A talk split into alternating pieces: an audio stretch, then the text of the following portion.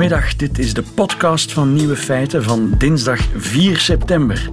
In het nieuws vandaag de pikante start van het schooljaar voor een aantal Chinese ouders en kleutertjes. De directrice van een kleuterschool in Shenzhen heeft er niet beter op gevonden dan het schooljaar feestelijk te openen met een paaldansact.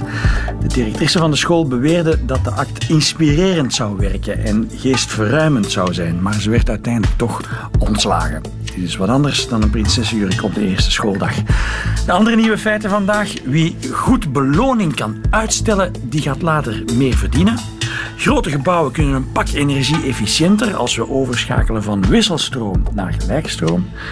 Bono is zijn stem kwijt en vervolgens is hij miraculeus teruggekeerd. En meerkatvrouwtjes vertrouwen meerkatmannetjes voor geen haar. Veel plezier ermee. Nieuwe feiten. Goedemorgen, Pedro de Bruiker. Goedemiddag. Ja, goedemiddag inderdaad. Pedro, ehm, ik bel jou in jouw hoedanigheid van huispedagoog van Nieuwe Feiten. Ja. Niet om te praten over dat paaldansen in Chinese kleuterklassen. Daarnet. Waarvoor dank. Want daar heb je geen mening over? Nee, komt hou mij daarbij. Pedro, ik bel jou omdat wij uh, lazen in de krant over de marshmallow test. We moeten, we moeten meteen uitleggen wat dat is, maar de marshmallow-test zou voorspellend zijn, als je die toepast op kindjes, voorspellend zijn voor het loon dat ze als volwassenen uh, gaan verdienen.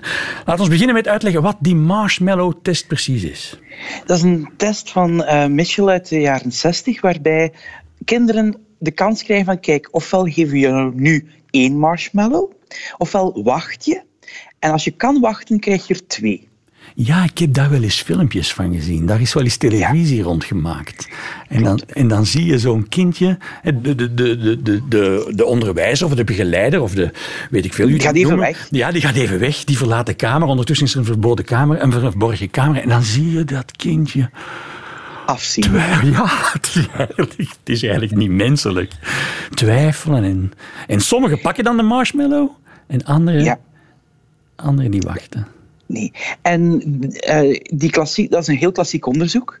En ze hebben daarna ontdekt van, hé, hey, wacht, jaren later, we hebben de gegevens van veel van die kinderen nog. Ja. Dat was in andere tijden voor privacy.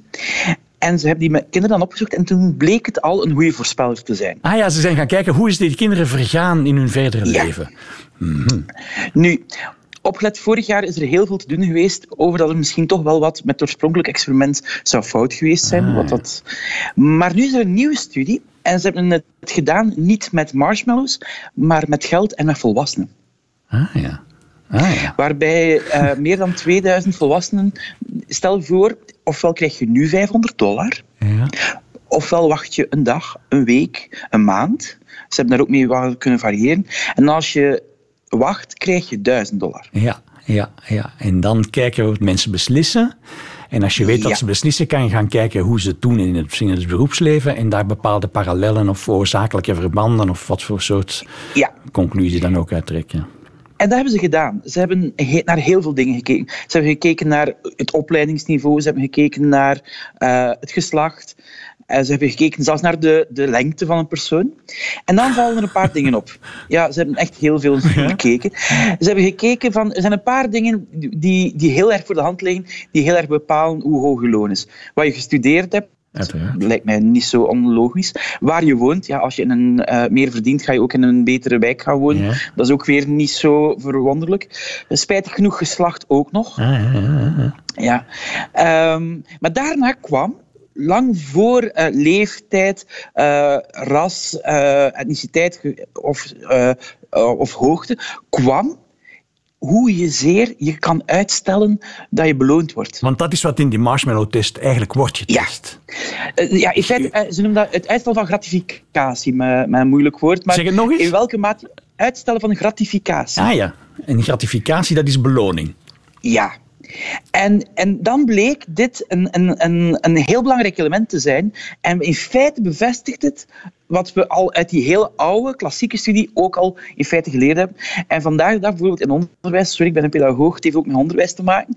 Op dit moment is een belangrijk thema in onderwijs executieve functies. Ja. En dat is in feite in welke mate je je kan inhouden, bijvoorbeeld. Er zijn nog veel andere focus en dergelijke ook. Maar dat heeft hiermee te maken. En we weten dat die executieve functies een belangrijke rol spelen in ja, hoe goed je gaat ontwikkelen in de samenleving. Dus als je twee mensen van hetzelfde geslacht die in dezelfde wijk wonen en die even lang zijn en, en nog op een aantal parameters identiek zijn, met elkaar vergelijkt en de ene weet zich beter te beheersen in het algemeen dan de andere, dan is degene die zich meer kan beheersen, heeft hij een, een, een, een grotere kans om een succesvolle loopbaan uh, te ontwikkelen. Ja. Nu, ik moet wel bekennen, er is in dit onderzoek nog iets anders heel speciaal. Namelijk, we hebben heel veel onderzoeken die kijken van bijvoorbeeld wat is de invloed van opleiding op loon? Wat is de invloed van lengte op loon? Er zijn heel veel factoren. Nu, in dit onderzoek hebben ze geprobeerd alles te bekijken en hebben ze de computer een stuk van het onderzoek laten doen. Ah. Met machine learning. Om in feite te kijken van, wat is nu de rangschikking? Ik bedoel, al die dingen werken op elkaar in. Ik heb daarnet het voorbeeld gegeven van, ja, iemand die hoger opgeleid is, zal waarschijnlijk in een betere wijk wonen. Dus die twee zaken die werken ook op elkaar in. Om dat allemaal van elkaar te scheiden, hebben ze op die manier een soort van rangorde kunnen bepalen. En dan blijkt die, de mogelijkheid om die gratificatie uit te stellen een hele belangrijke factor te zijn. Ja. Ja. Is het, ligt het eigenlijk niet een beetje voor de hand dat zelfbeheersing een positieve kwaliteit is? Want daar komt het eigenlijk op neer. Hè? Ja, nu, dat klopt. En dan komen we in feite vandaag bij een, veel, bij een heel andere vraag. Namelijk, kunnen we dat aanleren of is dat iets dat ah, is? juist, ja, ja, ja, ja. En? Dat is een hele moeilijke. Uh, als we kijken uh, bij executieve functies, dan zien we heel veel dingen. Um, uh, experimenten waarbij we dat kunnen aantonen, dat je dat op korte termijn kan leren. Maar uh, er is in 2015 een soort van overstudie verschenen, waarbij ze al die studies bekeken hebben, maar ook wat het effect is op lange termijn. En daar zijn we nog zoekende. We weten dat het waarschijnlijk kan beïnvloed worden, maar om te zeggen van we weten al hoe dat we het langdurig kunnen uh, beïnvloeden, ja, daarvoor is alles nog uh, een beetje te onderzoeken. Eigenlijk moet je iemand zijn karakter gaan bijsturen. Hè? Het is een karaktereigenschap die je moet gaan. En, en dat, is een vraag dat, dat is een vraag die elke partner ooit al waarschijnlijk gesteld is kan ik mijn lief veranderen of niet? Ja, voilà. Pedro, interessant. Uh, ik heb nu al grote honger, uh, maar ik ga toch nog even wachten met naar de mes gaan tot het programma uh, afgelopen is. Mijn werkgever gaat dat ook waarderen, denk ik. Hij geeft u nu opslag. Ja, bedankt voor de uitleg. Hè. Dag, Pedro. Bye. Nieuwe feiten. Goedemiddag, dokter Laurijns. Goedemiddag. Neus, keel en oorarts. Dokter, ik heb u nodig. Het is te zeggen, ik, nee, nee, nee, het is niet waar. Ik heb u niet persoonlijk nodig. Bono van U2, de zanger van U2, heeft u nodig. Luister wat hem eergisteren in Berlijn overkwam.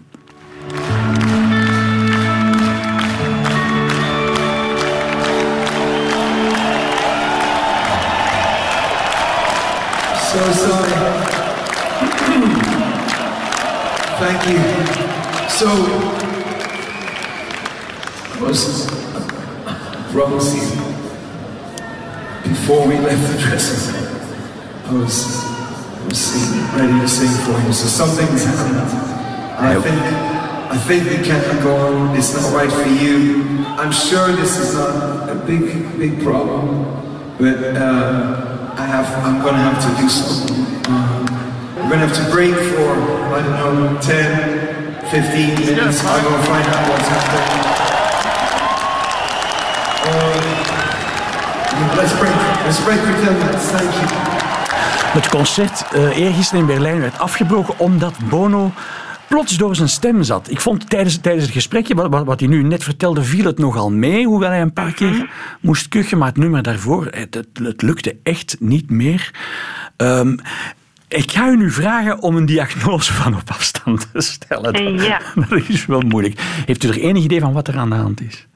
Wel, als we luisteren naar het geluidsfragment, en dat is wat wij als arts en uh, stemspecialisten uiteraard ook altijd doen, dan horen we dat er toch een, een, lichte schorheid in die stem zit, maar dat die stem inderdaad uh, niet volledig verdwenen is.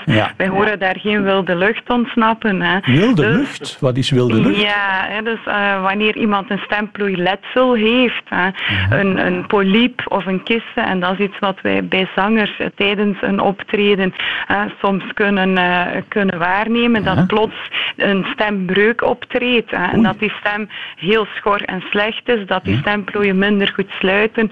En dat ze een heel aangeblazen stemgeluid ook hebben. Ah, dat horen we bij Bono niet.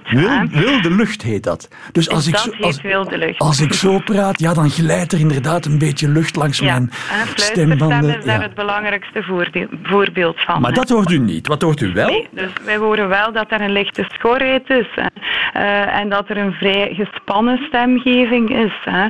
Dus vermoeden wij dat er toch een lichte uh, inflammatie, dat er toch echt iets aan die stemplooien zal geweest zijn. Wat Bono liet ervaren dat zijn instrument niet deed wat hij ervan gewoon is. hè. Uh, en dat is natuurlijk wanneer er zoveel duizenden mensen, fans voor u staan, een enorme stressfactor. Dat geeft een enorme impact. En dat kan dan ook die stem uh, nefast gaan beïnvloeden. Ah, dus, dus Bono merkt bij zichzelf, het is niet helemaal in orde. Hij gaat daar zich, zich zorgen over maken, stress, wat dat dan nog verergert. Inderdaad, dat is, dat is mijn vermoeden. Hè. Ah, ehm, ik heb natuurlijk ik heb niet de eer gehad zijn uh, stemplooien te zien. Hè. Vanavond is hij in Keulen. Als hij hè, toch uh, problemen zou hebben, Genk is niet zo ver af. Hè. Dus met veel plezier maken we tijd om het eventjes na te kijken. Maar op de, op de website geven ze ook aan dat de arts in kwestie geen letsels heeft, uh, heeft ja. gezien. Of dat er niets ernstig aan de hand is. Hè. Um, dat het optreden vanavond uh, gewoon kan doorgaan. Uh, dat leert ons uiteraard dat er geen kisten, geen polyp, geen bloeding zal zijn, want daar geraak je op drie dagen niet vanaf. Dus dat het in zijn kopje zat eigenlijk? Ja, in zijn kopje, dat is misschien iets kort door de bocht, hè, maar hè, hij zal zeker, is het door stemvermoeidheid, is het door irritatie, want hij kloeg ook van de rook en uitdroging, kan een lichte zwelling van het slijmvlies van de stemplooien geven. Wat voor professionele professionele stemgebruikers uh, al een, een, trigger kan zijn om daar iets waar te nemen. Uh, maar ik begrijp dus dat een stemarts ook een beetje een psycholoog moet zijn. Absoluut, absoluut. Ja, vaak is het uh, heel veel psychologie, ja, uiteraard. Wat voor elke arts geldt, uiteraard. Dokter, vanavond in Keulen gaat het door. Ja, dat is waar, dat geldt voor elke arts. Vanavond in Keulen gaat het door. Mocht hij nu nog stemproblemen uh, hebben, Bono, hij kan die Edge altijd laten zingen. Hè? De gitarist van, van ja, U2, dat, is, dat is niet echt veel geweten, maar die zingt ook af en toe. Op uh, Rattle and Hum staat een fantastisch nummer, gezongen door die Edge. We gaan dat... Ja, dat is inderdaad een, een, een, optie en dat is ook iets wat wij aan onze patiënten soms voorstellen. Ja, laat zing, ga zelf. Hè, als, de, als de persoon, de zanger in kwestie, eigenlijk de frontman uh, het moeilijk heeft. Van ja, hè, ga meer, laat die backings meer zijn. Ja, ja. uh, vraag een gastartiest. Dat is heel vaak, uh, heel vaak een, een goede en een zinvolle oplossing om de show gewoon verder te laten gaan. Allee, het is de beurt aan die edge. Dit is Van Diemen's Land. dokter Laurens, dank u wel. Dank u wel. Dag. Radio 1. Nieuwe feiten. Goedemiddag, professor Dirk van Dijk. Goedemorgen. Goedemiddag, Koen. Sorry. Natuurkundige aan de Universiteit van Antwerpen. Ja. Professor van Dijk, het verschil tussen gelijkstroom en wisselstroom, hoort dat ook tot de natuurkunde, tot uw vakgebied? Natuurlijk, natuurlijk. De, de, elektriciteit is uitgevonden door mensen zoals Faraday en dat waren natuurkundigen. En zoals mensen zoals u, hè? Ja. ik, vraag het u, ik vraag het u omdat er collega's van u zijn, het is te zeggen, het zijn ingenieurs, Amerikaanse ingenieurs, die ervoor pleiten om uh, in onze huizen gelijkstroom te gebruiken eerder dan wisselstroom. Terwijl wij nu, wat wij nu uit de, uit de stopcontacten krijgen, dat, dat is wisselstroom. Um, professor, u moet dat uitleggen voor, voor absolute leken, hoor. Zullen we beginnen met het verschil tussen wisselstroom en, gelijkstroom?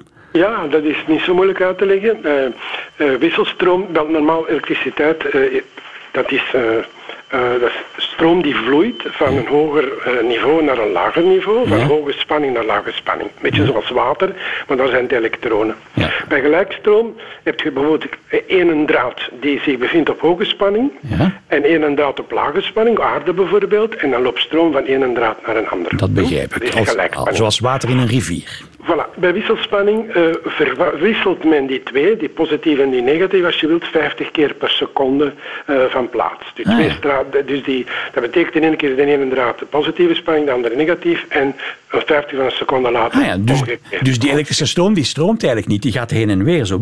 Eigenlijk gaat die heen en weer, inderdaad, maar die gaat heel snel. Hè. Dus het kan zijn dat die door een apparaat gaat naar een richting terug, maar die gaat heen en weer. Ja. En die ingenieurs die pleiten er dus voor om gelijkstroom uh, te gebruiken in de huiskamer. Gelijkstroom uit een batterij komt gelijkstroom, geloof ik. Uit een batterij, uit zonnepanelen komt gelijkstroom. Ja, maar uit een stopcontact komt dus wisselstroom. Dat vinden, ze, dat vinden ze geen goed idee. Zullen we eerst proberen uit te vissen waarom er ooit gekozen is voor wisselstroom uit de stopcontacten? Ja, dat is zelfs een heel turbulente geschiedenis. Dat werd zelfs in de pers de War of Currents eh, genoemd. De stroomoorlog? De, stroomoorlog. Mhm. Tussen twee uitvinders. Edison, hè, die gekend van, van de, de, de, de, gloeilamp en van de fonograaf. Van alles eigenlijk. En was ook bekend als een, als een bekende uitvinder. En die was voorstander van gelijkstroom. En dan Tesla, Nikola Tesla, een Joegoslaaf, die in Amerika dus ook uh, werkte. En dat was een voorstander van wisselstroom. En wisselstroom... Uh, in die periode rond 18, 1870 is bijvoorbeeld de dynamo uitgevonden. Die, mm. de, uh, die trouwens door een Belg, Zeno B. Gram, heeft de, mm. de dynamo uitgevonden. De transformator is uitgevonden in 1880. Dus vanaf die periode kon men met wisselstromen heel gemakkelijk van lage spanning naar hoge spanning gaan. Dat gaat veel gemakkelijker met wisselstroom dan met gelijkstroom. Ja, ik zal u niet vragen waarom dat zo is. Dat... Nee, nee. Maar, dat, kan, maar dat kan. Uh, maar, maar dat, dat betekende dat men plots uh, wisselstroom kon gebruiken en and het grote voordeel van wisselstroom is wel dat je dus kunt optransformeren naar zeer hoge spanning. Als je die hoogspanningsleidingen ziet, die kunnen gaan van 100.000 volt, soms zelfs tot 300.000 volt. Ja. Wat is dat voordeel van, niet van het vast te nemen, want dat is levensgevaarlijk. Maar dan kan je heel veel energie erdoor sturen en toch weinig stroom. Want eigenlijk de energie, dat, die je vermogen, is de spanning maal de stroom. Dus hoe hoger de spanning, hoe minder stroom er door moet lopen om voldoende energie over te dragen. Dus dat is dus efficiënter. bezig. Absoluut, en dat laat toe van, van centrales te maken, enkele plaatsen in een land, zoals dat bij ons gebeurt. En op grote afstand, ja, ja, ja, ik begrijp het. Inderdaad, op grote afstand. Maar dan moet je terug van 100.000 of 300.000 volt naar 100.000 en terug naar de 230 volt van de huiskamer. Dus je moet dat telkens transformeren, maar op grote afstand is dat de enige efficiënte manier om energie over te brengen. En dat waren de argumenten van meneer Tesla om te pleiten voor Ja, maar er is daar wat tussen gekomen natuurlijk, hè, want men had dan grote eh, demonstraties, waar Edison liet zien dat je met die wisselstoom eh, dieren, gelijk, gelijk een olifant. Hè. Topsy de olifant is daardoor gepriksend om te laten zien hoe gevaarlijk dat was. Om de mensen te laten zien, geloof daar niet in die Tesla. Ah, ja. Uh, goed, uh, ah, ja, de, de, elektrische stoel is daar ook uitgekomen. Hè. Men kon het dan ook gebruiken om mensen te... Ah ja, om mensen of olifanten dood te krijgen heb je wisselstroom nodig. Ja, met, met gelijkstroom lukt dat niet. Ja, omdat je die gemakkelijk kunt optransformeren, bijvoorbeeld naar 10.000 volt op. En dan is dat voldoende ah, om, de, om de mensen te doden. Hè. Maar wat er doorslag gegeven is, is de wereldtentoonstelling in Chicago. Ja. Dat was dus in 1893 en daar waren twee competitors om elektriciteit te voorzien. En daar heeft Tesla het gewonnen. Okay. En twee jaar later mocht hij ook de grote centrale van de Niagara-watervallen maken. Dus waar men een deel van het water ja. s'nachts afleidt om met turbines elektriciteit te maken. En het is eigenlijk da, om die reden, historische reden, hebben wij nu nog altijd wisselstroom. Absoluut. Ja, ten eerste, je, kan het alleen op grote afstand plaatsen en dan heeft men het ook nooit veranderd. Dus tot in de huiskamer blijft het wisselstroom. Zeg maar, wat, waarom zeggen die ingenieurs nu we zouden beter gelijkstroom kiezen? Ja, omdat er ook een andere e-, evolutie bezig is. Meer en meer gaan de mensen lokaal hun, eh, hun elektriciteit opwekken met zonnepanelen, dat is gelijkstroom. Met batterijopslagen is gelijkstroom. Dus uh, is de vraag van, gaan we niet geen huizen hebben die beter volledig op gelijkstroom werken? We kunnen dat goedkoper maken, veiliger. Je hebt al die tussentransformatorjes niet nodig, die telkens warm worden, die energie verliezen.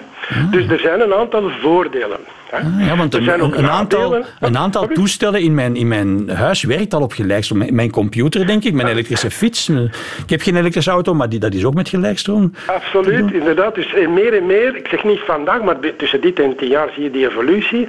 Dan wordt het werkelijk de moeite om te denken over, uh, niet alleen huizen, maar huizenblokken en dergelijke, om die op gelijkstroom te doen. Oké. Maar dan moeten, dan moeten er ook uh, wafelijzers en afwasmachines en strijkijzers ja, absoluut, absoluut, op ja, komen. Ja, maar wat hebben de Amerikanen nu gedaan? Ze hebben dan 17 ingenieurs vanuit zowel universiteiten als industrie als overheid gevraagd, geeft eens uw gedacht over de voor- en de nadelen. Dat ging over tien mogelijke voordelen, tien mogelijke nadelen, om eens te kijken van, is het de moeite om dat te doen en zo ja, op welke manier.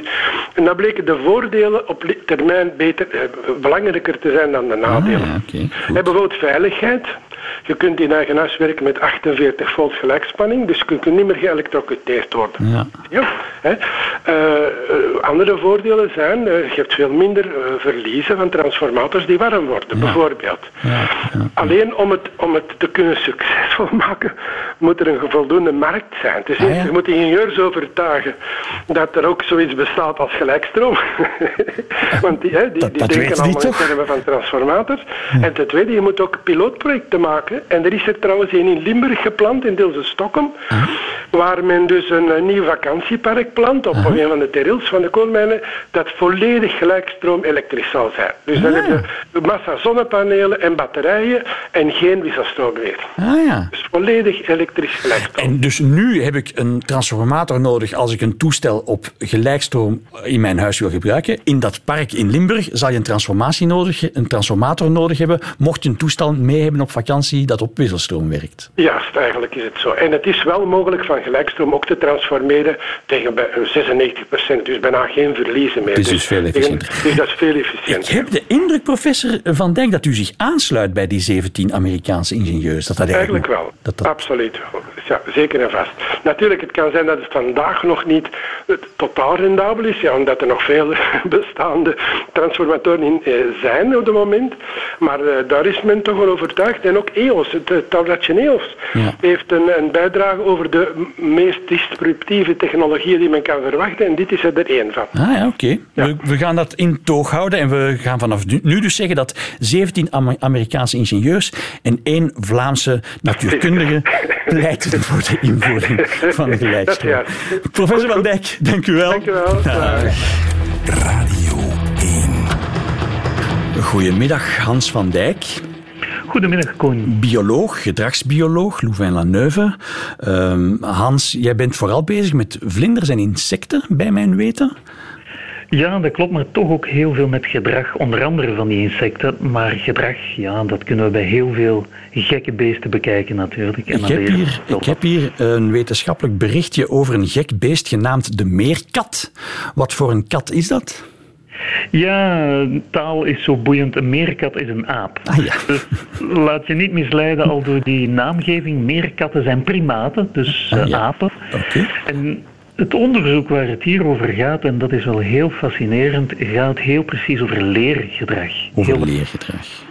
En om het helemaal toe te passen, het gaat eigenlijk over een heel belangrijke vorm van leergedrag, namelijk naapen. Dat is iets waar apen erg goed in zijn. Ja, oké. En vergis u niet, ook de aap in ons is er bijzonder goed in, want ook bij ons is het kopiëren van gedrag toch wel een heel belangrijk ja. mechanisme. Ja.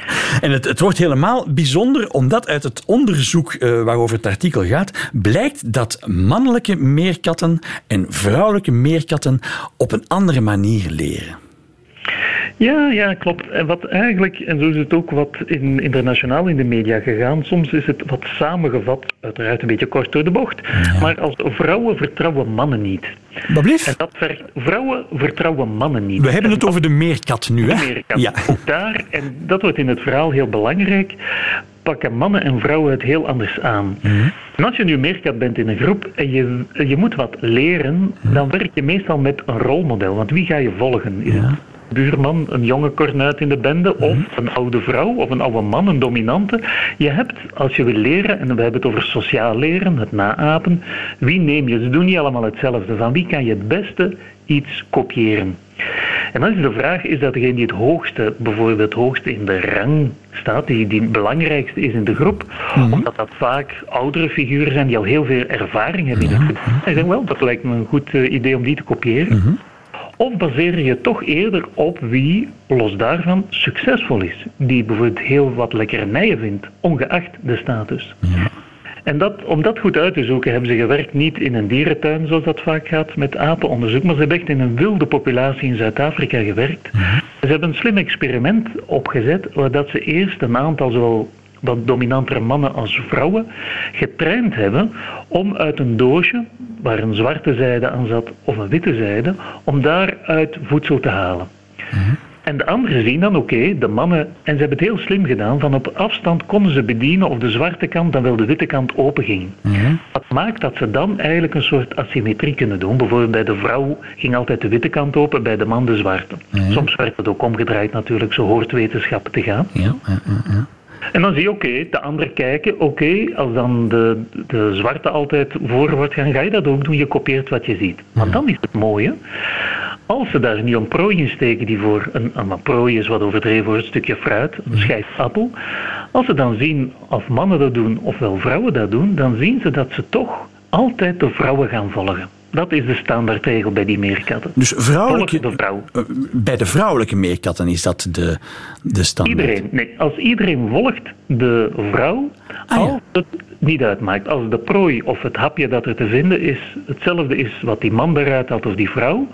Maar als die vrouw dat altijd aan die zwarte kant eruit haalt, dan gaan ze toch ook voor die zwarte kant proberen. Ah, ja. En, waarom, en, en waarom zeg je dan dat de vrouwelijke meerkat de mannen niet vertrouwt? Dat, Ja, dat- er blijkt dat- toch geen verschil uit, uit Nee, want dat is natuurlijk het eerste experiment als de controle. Wat de man krijgt of de vrouw krijgt is exact hetzelfde. Mhm. Maar dan zien ze, qua, qua beloning zeg maar, het schijfje appel is exact hetzelfde. Maar ze zijn toch eerder geneigd om dan die dominante vrouw in de groep te volgen. Namelijk de zwarte kant of in sommige groepen de witte kant. Maar zeg maar de vrouwelijke kant te volgen. Ook al kregen ze exact dezelfde beloning. Maar het spel verandert wanneer nu blijkt dat als de vrouw het doosje open doet en er komt één schijfje appel uit. Maar als die man het open doet, er komen vijf schijven appel uit. Wat dan? Ah, ja, ja, dan zou je als verstandige vrouwelijke meerkat gaan denken van ja, die man die weet die, die, weet die vijf stukjes fruit zitten, die ga ik kopiëren zijn gedrag. Ja, precies. Zijn ze dan zo flexibel in hun gedrag dat de standaardregel is: ik volg de vrouw? Gaan ze die dan kunnen overroelen en zeggen van ja, maar kijk, ik ga hier voor een, een soort slimme zet gaan. Ik ga voor het, korte, het rendement op korte termijn. En wat je dan ziet, is het heel anders of degene die kijken en leren mannen of vrouwen zijn. Dan zie je dat de mannen gaan veranderen en gaan de succesvolle aap in deze de man volgen qua keuze. Maar de vrouwen niet. Die blijven de vrouw volgen en gaan niet zomaar eh, die switch Ja. doen, zijn minder flexibel in, eh, in hun keuze. Dat is een merkwaardige vaststelling en dan is de vanzelfsprekende vraag, hoe komt dat? Ja, en dat heeft in deze minder te maken met of dat soort intrinsiek man-vrouw verschillen zijn bij die diertjes. Op zich wel, maar het is niet de, de drijfveer die het verklaart. Het verk- de verklarende factor is hoe die leven en wie ter plaatse blijft. Je moet weten, bij heel wat zoogdieren zijn het vaak de jonge mannetjes die, wanneer ze geslachtsrijp worden, uit de groep worden gestuurd. De vrouwen blijven in hun lokale club, in hun lokale populatie. Mannen worden dus migrant en moeten naar een andere populatie, moeten zich daar proberen te integreren of een plaatje te zien te bemachtigen. En er wordt aangenomen dat die flexibiliteit, dus niet altijd hetzelfde recept volgen van wat lokaal werkt, dat is prima als je ter plaatse blijft, maar als je naar een andere groep gaat waar andere tradities heersen, want dit is sociaal leergedrag, dus dat dingen die ze niet ingebakken hebben, ze moeten dat leren. En als een andere club dat anders doet, kan je je best aanpassen. En dit experiment, zo, zo interpreteren de, de onderzoekers het, toont dat het geslacht, in deze is dat het mannetje, maar bij sommige diersoorten is het omgekeerd. Hoor, zijn de mobiele rakken die uit de groep worden gestuurd de vrouwtjes, dus het is niet intrinsiek van de vrouw.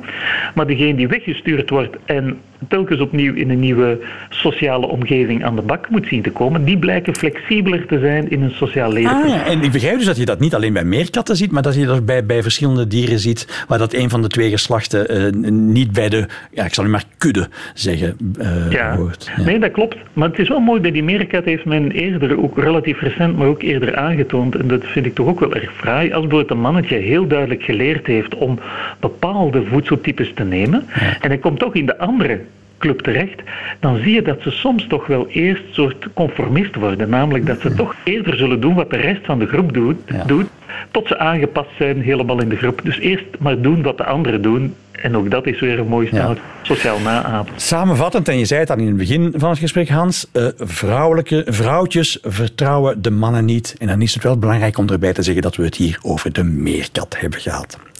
Hans van Dijk, dankjewel. Graag gedaan. Nieuwe feiten. Middagjournaal. Beste luisteraars. Gisteren waren er allemaal scholieren op de televisie. In Frankrijk mag je je mobiele telefoon niet meer meenemen in de klas, maar daar gaat het even niet om. Ik heb een heerlijk kwartier zitten kijken naar klaslokalen. Dat is denk ik het allerergst van ouder worden, dat je nooit meer met een onstuimig lichaam vol met liefde en zaad en eierstokken in een klas mag zitten. Het schoolgebouw ben ik pas veel later, eigenlijk de laatste tien jaar, gaan zien als de plek waar alles duidelijk was. Je wist waar je moest zitten, je wist welke meisjes bijna jarig waren en je wist wanneer je leraar of lerares een rotbui had. Maar je wist niet waarom. En nu weet ik dat wel. Nu weet ik dat leraren het thuis ook allemaal even niet meer wisten. Dat bij hun ook wel eens een kip nog half rauw van binnen was als ze hem wilden eten.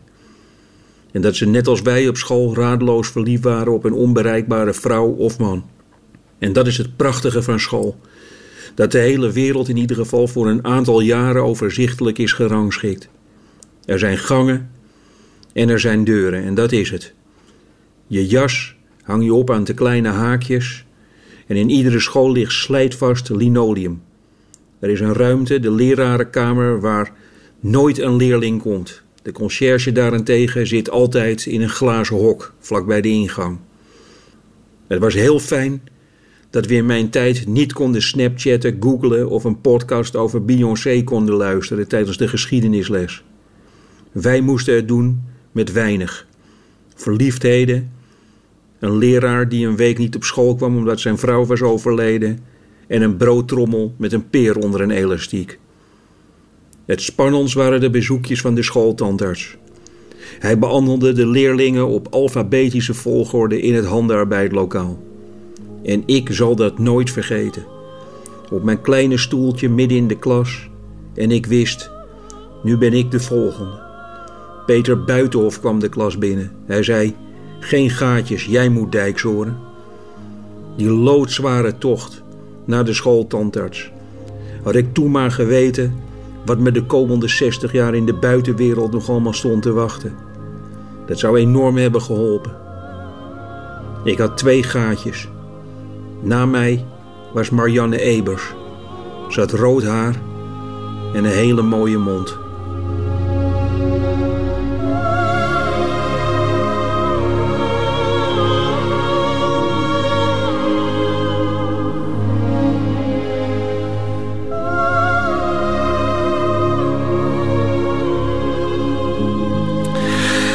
Was de podcast van Nieuwe Feiten van dinsdag 4 september. Morgen is er een nieuwe podcast, maar u zou ook kunnen proberen om over de middag eens naar Nieuwe Feiten te luisteren. Dat is ook zeer de moeite.